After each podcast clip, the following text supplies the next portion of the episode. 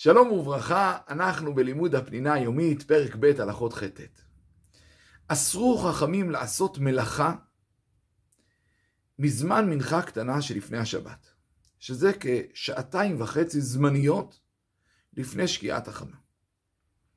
ומדוע? כדי שאדם יהיה פנוי להתעסק בצורכי השבת. ויותר מזה, גם אם סיים את כל צורכי השבת, כמו שאדם מגיע אליו אורח חשוב, ברגעים לפני שהוא מגיע, הוא לא עוסק בכלום, כי כל כולו מרוכז באורח, כך לכבודה של השבת, שעתיים וחצי לפני כניסתה, לא עוסקים בשום דבר, אלא מתכוננים אליה. לכן רק הכנות שהן לכבוד השבת, אז מותר לעשות. אמנם יש מחברים שזה אפילו מזמן מנחה גדולה, כלומר חצי שעה אחרי חצות. אבל כיוון שזה מדי רבנן, אפשר לכתחילה לסמוך על הדעה המקילה. על איזה מלאכות דיברו שאסור לעשות? דיברו על מלאכות קבע, ולא מלאכות ארעיות. כלומר, מלאכות שדרושות מומחיות. אבל, או מלאכות קצרות אפילו של מומחה, מותר לעשות, או מלאכות שלא דורשות מומחיות, כמו לנקות הבית, לסדר, אפילו לא לכבוד השבת. כל מיני מלאכות שלא דורשות שום מומחיות, אפשר גם כן לעשות. עוד דבר, מלאכות שהן לכבוד השבת, וניכר שהן לכבוד השבת, מותר לעשות אפילו מלאכת אומן. כמו חשמלאי שיבוא לתקן תקלה, אפילו מסובכת ומורכבת בתשלום, לפני השבת. זה מותר.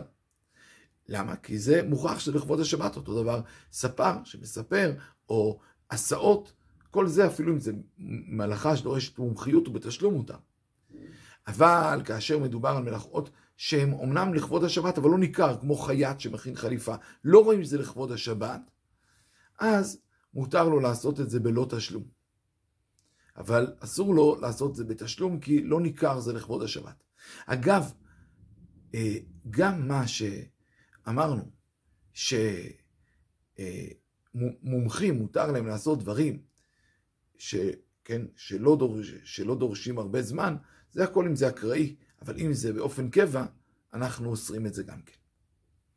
לגבי אה, עוד היתר שיש, אם יש עני שאין לו צורכי שבת, מותר לו לעבוד עד הזמן שמגיע לקראת כניסת שבת.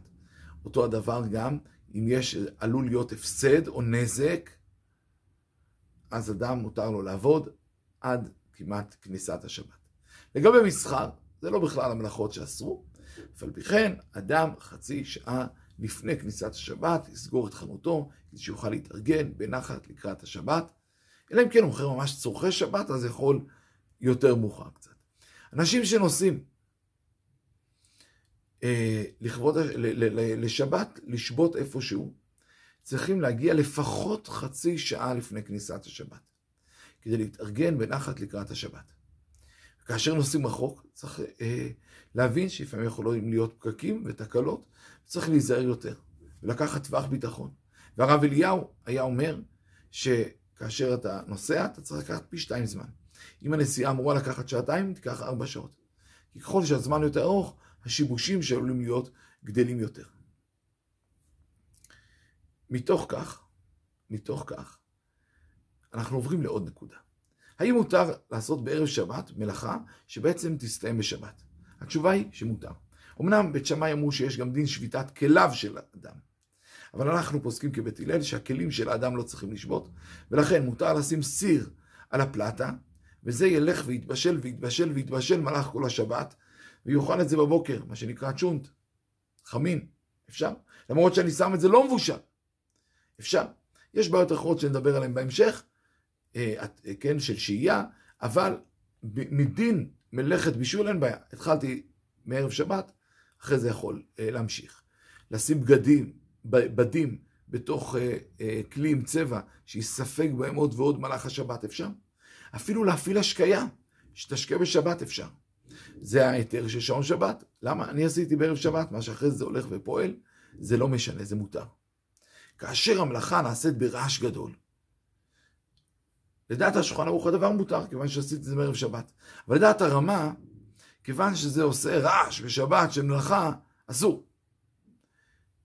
אלא אם כן יש צורך גדול או הפסד, אפשר להקל. אבל באופן כללי, אם זה עושה רעש גדול, אסור. כדי שלא יהיה ניכר שעושים כאילו מלאכה בשבת, למרות ששוב, מעיקר הדין ודאי זה מותר, כי התחלתי בערב שבת. שלום, שלום.